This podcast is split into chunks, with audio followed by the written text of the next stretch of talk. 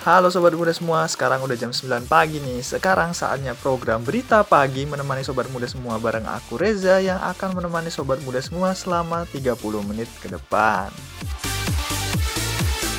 Eits, by the way Sobat Muda nih gimana kabarnya nih? Semoga pada baik-baik aja ya di tengah pandemi seperti ini. Yang pada di rumah aja ya stay tune di rumah aja. Yang mau keluar jangan lupa pakai masker dan cuci tangan. Seperti biasa, buat sobat muda yang mau request lagu titip-titip salam atau mau kasih info di kabar pagi bisa langsung DM kita di Instagram at atau bisa hubungi kita di 0812 3456 78910. Nah kita langsung aja ke berita yang pertama. Berita yang pertama datang dari industri film tanah air. Rumah produksi kembali beraktivitas di masa pandemi virus corona. Rumah produksi Day Company dan Blue Water Film akan menjalani proses syuting film Makmum 2 yang dibintangi oleh Titi Kamal. Syuting di tengah pandemi, rumah produksi wajib hukumnya menjalani protokol kesehatan. Hal ini dilakukan agar memutus penyebaran virus corona. Derat Skalwani di rumah produksi Day Company mengatakan, kita prioritaskan kesehatan, ikuti prosedur yang ada. Memang perlu menyesuaikan di banyak hal, tapi semangat kami sama ingin lanjut beraktivitas. Semoga syutingnya lancar dan Makmum 2 bisa diterima masyarakat. Soal film, Makmum 2 kembali menceritakan soal gangguan manusia yang kerap dialami ketika sedang beribadah. Perubahan terjadi di bangku sutradara. Jika film pertama dinakodai oleh Hadrat Daeng Ratu, film Makmum 2 akan disutradarai oleh Guntur Suharjanto. Titi Kamal akan menjadi pemain utama dan masih digarap oleh Reza Pahlevi, pembuat film pendek Makmum yang hadir di YouTube. Deraj mengatakan esensi ceritanya tetap tentang husuk tidaknya seorang ketika sholat. Godaan orang sholat itu bisa beragam wujudnya, Makmum hanya salah satunya. Seperti diketahui, film Makmum menjadi sorotan karena berhasil meraup 825 ribu penonton di Malaysia Film ini mendapat pemasukan 19,5 miliar dan meraih rekor muri sebagai film Indonesia terlaris di Malaysia pada tahun 2018. Itu dia siapa nih yang gak sabar untuk nonton film Makmum 2. Kayaknya menarik ya masih menceritakan tentang gangguan yang dialami manusia. Dan semoga aja film Makmum 2 ini tuh bisa kembali meraih jumlah penonton terbanyak hingga mendapat rekor muri juga. Nah, masih berbicara soal film, kita lanjut ke informasi yang kedua. Kali ini Reza akan menceritakan atau membahas sedikit tentang beberapa film rekomendasi untuk sobat muda semua nonton, tapi ini tuh filmnya film festival. Kita langsung aja yang pertama yaitu City. Film City meraih penghargaan terbaik dalam FFI pada tahun 2015 Film ini dibintangi oleh Sekar Sari, Bintang Timur, Haidar Sazis, Ibnu Widodo, dan Titi Dibyo. Film ini disutradarai oleh Edi Cahyono dan filmnya pertama kali tayang pada 2014, namun baru beredar di bioskop Indonesia pada tahun 2016, tepatnya tanggal 28 Januari. Film ini mengisahkan tentang tokoh Siti yang diperankan oleh Sekar Sari yang harus menemukan cara untuk merawat anak dan suaminya. Ketika siang hari, Siti menjual makanan ringan dan di malam hari bekerja sebagai pemandu karaoke. Namun dikarenakan pekerjaan malamnya, suaminya tidak ingin berbicara dengan Siti. Lanjut ke rekomendasi film festival yang kedua, yaitu Atira. Film terbaik versi FFI pada tahun 2016 diraih oleh film Atira. Film ini dibintangi oleh Cut Mini, Christopher Nelwan, dan Nino Prabowo. Film ini disutradarai oleh Riri Riza dan rilis pada tahun 29 September 2016. Film ini mengisahkan tentang kehidupan Atira hancur ketika wanita lain memasuki kehidupan suaminya. Dalam waktu dan latar belakang budaya di mana poligami masih diterima secara luas. Atira berjuang sendirian dengan berbagai luka. Itu dia uh, sedikit cerita tentang film Atira. Kita lanjut ke yang ketiga, yaitu Night Bus. Film Night Bus mendapatkan penghargaan film terbaik pada FFI tahun 2017. Film ini dibintangi oleh Alex Abad, Edward Akbar, dan Agung Nur Amal. Disutradarai oleh Emil Heradi dan rilis pada tahun 2017 tanggal 6 April. Film ini mengisahkan tentang sekumpulan warga sipil berbagai tumpangan bus ke Sampar, sebuah kota yang kaya akan sumber daya alam. Tempat tersebut dijaga ketat oleh tentara negara yang berperang melawan misili pemberontak yang menginginkan kebebasan atas tanah air mereka. Lanjut ke film rekomendasi keempat yaitu Marlina si pembunuh dalam empat babak. By the way ini film favorit aku ya. Pada tahun 2018, film Marlina si pembunuh dalam empat babak berhasil mendapatkan penghargaan film terbaik dari FFI. Film ini dibintangi oleh Marsha Timothy, Egi Fedli, Tumpal Tampu Bolon dan disutradarai oleh Molly Surya. Film tersebut rupanya dirilis pada 16 November 2017. Kisahnya menceritakan tentang Marlina yang diam-diam tinggal di Sumba sampai suatu hari seorang pria bernama Markus dan gengnya mencoba merampok rumahnya dan dia membunuhnya. Akhirnya dia dihantui oleh Markus dan hidupnya berubah 180 derajat.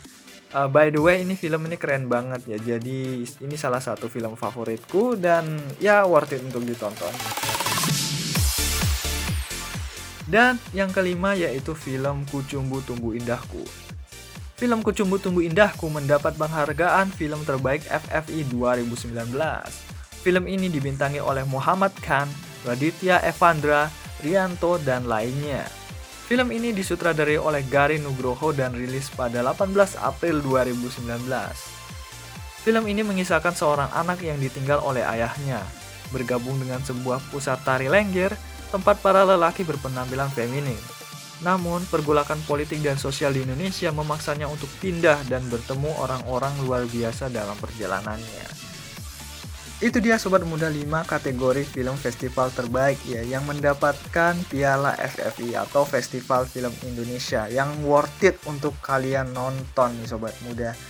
Nah sekali lagi aku mau ngingetin buat sobat muda semua yang mau request lagu, titip-titip salam atau nyampain berita informasi di kabar pagi kali ini bisa langsung aja hubungi kita di 0812 3456 78910.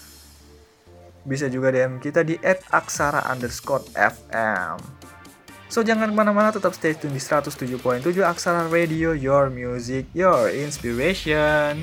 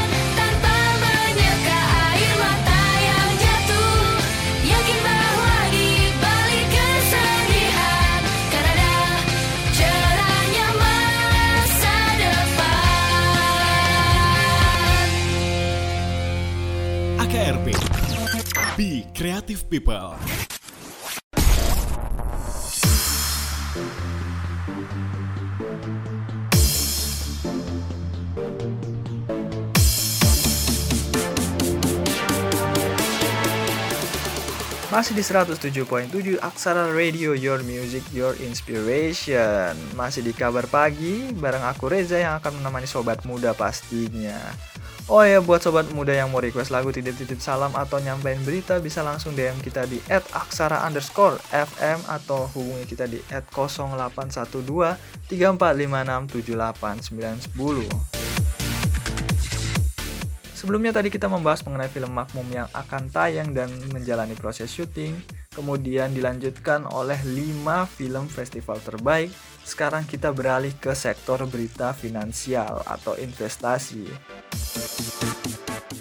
Ini menurutku sangat penting ya untuk sobat muda semua karena kita itu harus mulai investasi dari sekarang untuk ke depannya gitu Oke, kita langsung aja ke beritanya yaitu harga emas antam atau logam mulia antan pada perdagangan Rabu kemarin yaitu tanggal 21 Juli 2020 naik Rp19.000 atau 2,1% menjadi Rp924.120 per gram. Harga emas tersebut membukukan rekor baru yang mendongkrak oleh stimulus lebih lanjut dari sejumlah bank sentral dunia sehingga mendukung permintaan logam emas sebagai safe haven. Sebelumnya harga emas antam pernah mencapai level di atas 900.000 per gram, tepatnya 903.000 per gram pada hari Senin. Untuk harga 100 gram, kendati langsung turun esok harinya di level 899.000 per gram. Harga ini adalah harga emas antam untuk acuan 100 gram.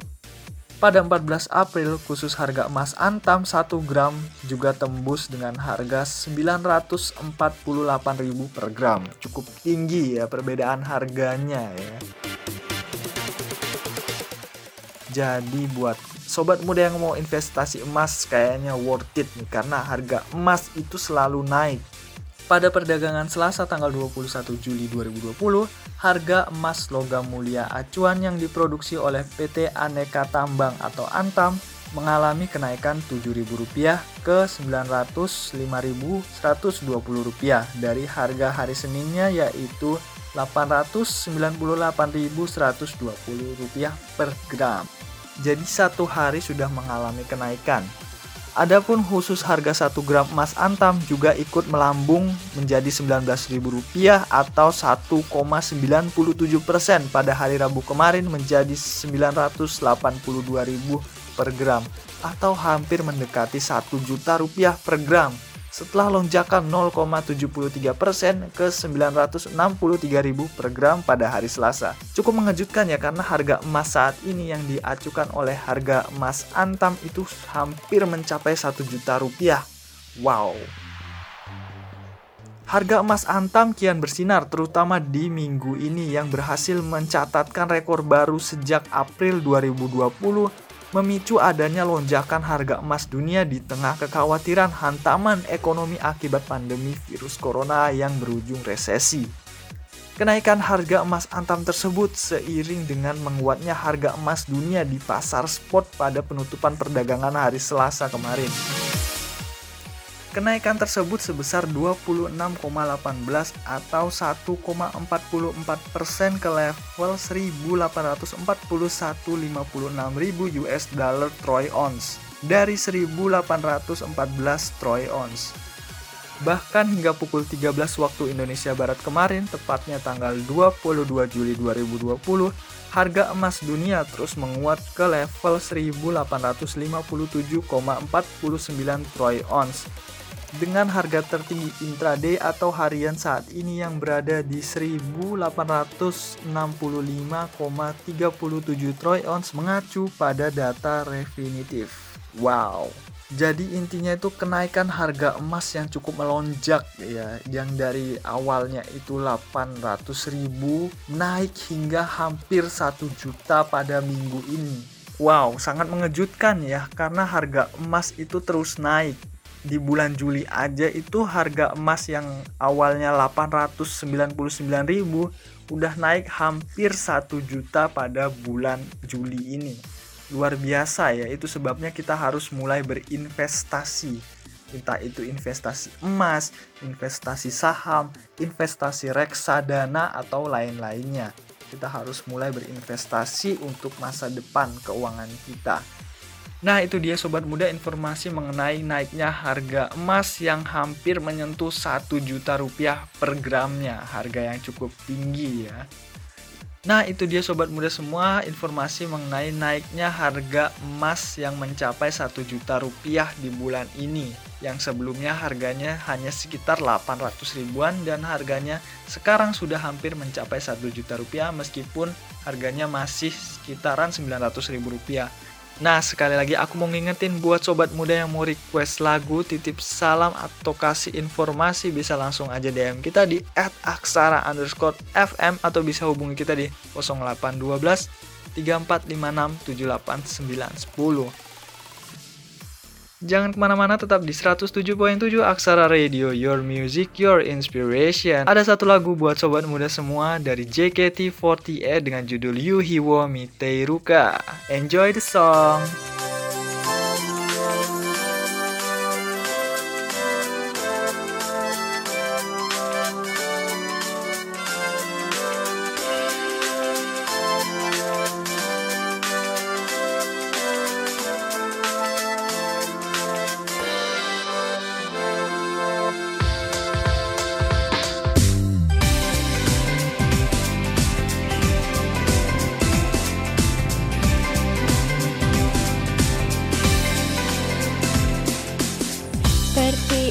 Hari ini yang telah dilewati.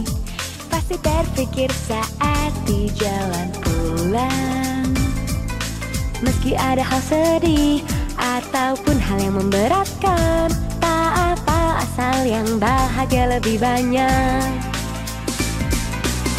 Karena tidak membuat keluarga dan teman Dan orang di sekitar jadi khawatir paksakan tersenyum dan membuat bohong sedikit. Janganlah kau pendam semuanya di dalam hati.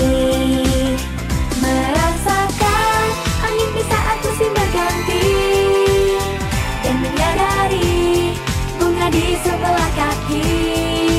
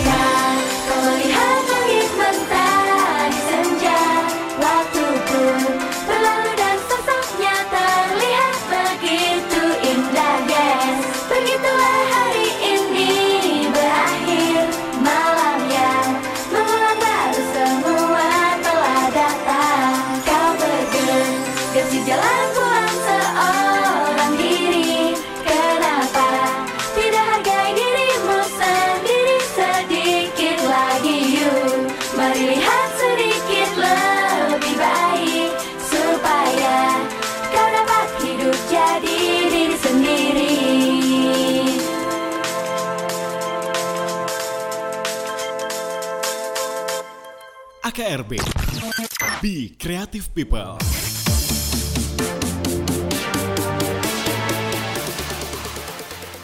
.7 Aksara Radio Your Music Your Inspiration Masih di kabar pagi bareng aku Reza yang akan menemani sobat muda semua setelah tadi kita membahas mengenai naiknya harga emas untuk berinvestasi, kemudian kita berlanjut ke dunia perfilman. Sekarang kita berlanjut ke berita mengenai dunia industri hiburan. Kita langsung aja ke berita selanjutnya yaitu setelah penantian panjang, YG Entertainment tak lagi main kucing-kucingan dengan penggemarnya soal jadwal rilis debutnya grup baru mereka yaitu Tracer. Agensi ini akhirnya mengumumkan tanggal debut grup tersebut bersamaan perilisan foto teaser. Konsep teaser ini berupa panggung dengan dominasi warna biru pada ring panggung yang dipenuhi speaker terdapat permata raksasa berwarna biru. Bersama teaser itu juga tertulis The First Step atau langkah pertama.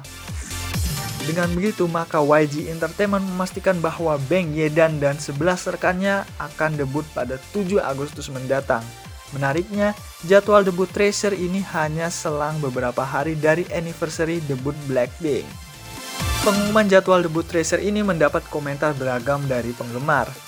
Sebagian pernyataan kenapa YG Entertainment harus mendebutkan grup baru sehari sebelum anniversary debut Blackpink. Namun lainnya memberikan dukungan mereka kepada grup yang lahir dari ajang YG Treasure Box tersebut. Grup asuhan YG Entertainment lainnya siap menorehkan sejarah mereka. Jadi gimana nih sobat muda semua yang gak sabar mengenai rilisnya grup baru dari YG Entertainment bernama Treasure. Cukup penasaran ya gimana sih performa mereka ketika di atas panggung? Apakah mirip seperti grup-grup YG lainnya? Kita tunggu aja debut mereka pada tanggal 7 Agustus mendatang. Dari industri hiburan Korea, kita lanjut ke industri hiburan Jepang. Kabar mengejutkan datang dari dunia hiburan Jepang. Salah satu personel AKB48, Takita Kayoko, menyatakan positif COVID-19 pada tanggal 19 Juli 2020. Dikutip dari laman CGTN, hari Rabu tanggal 22 Juli 2020, anggota tim B AKB48 tersebut kabarnya mengalami gejala ringan dan dirawat di rumah sakit pada tanggal 20 Juli 2020. Ini merupakan kasus pertama yang dikonfirmasi oleh AKB48. Kronologinya, Kayoko mulai mengalami demam pada tanggal 9 Juli 2020, namun mereda sehari kemudian. Kayoko pun memutuskan untuk mengisolasi diri di rumah. Lalu pada 11 Juli 2020, ia mulai kehilangan indera penciumannya. Perempuan berusia 23 tahun tersebut memutuskan untuk mengambil tes polymerase chain reaction atau PCR pada 18 Juli 2020. Sehari setelahnya, Kayoko dinyatakan positif COVID-19. Menurut hasil tracking, Kayoko sempat melakukan kontak dengan anggota AKB48 lainnya, Tatsuya Mahiko pada 2 Juli 2020.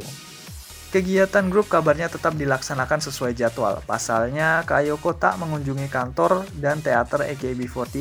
Ia juga tak melakukan kontak dengan staf AKB48.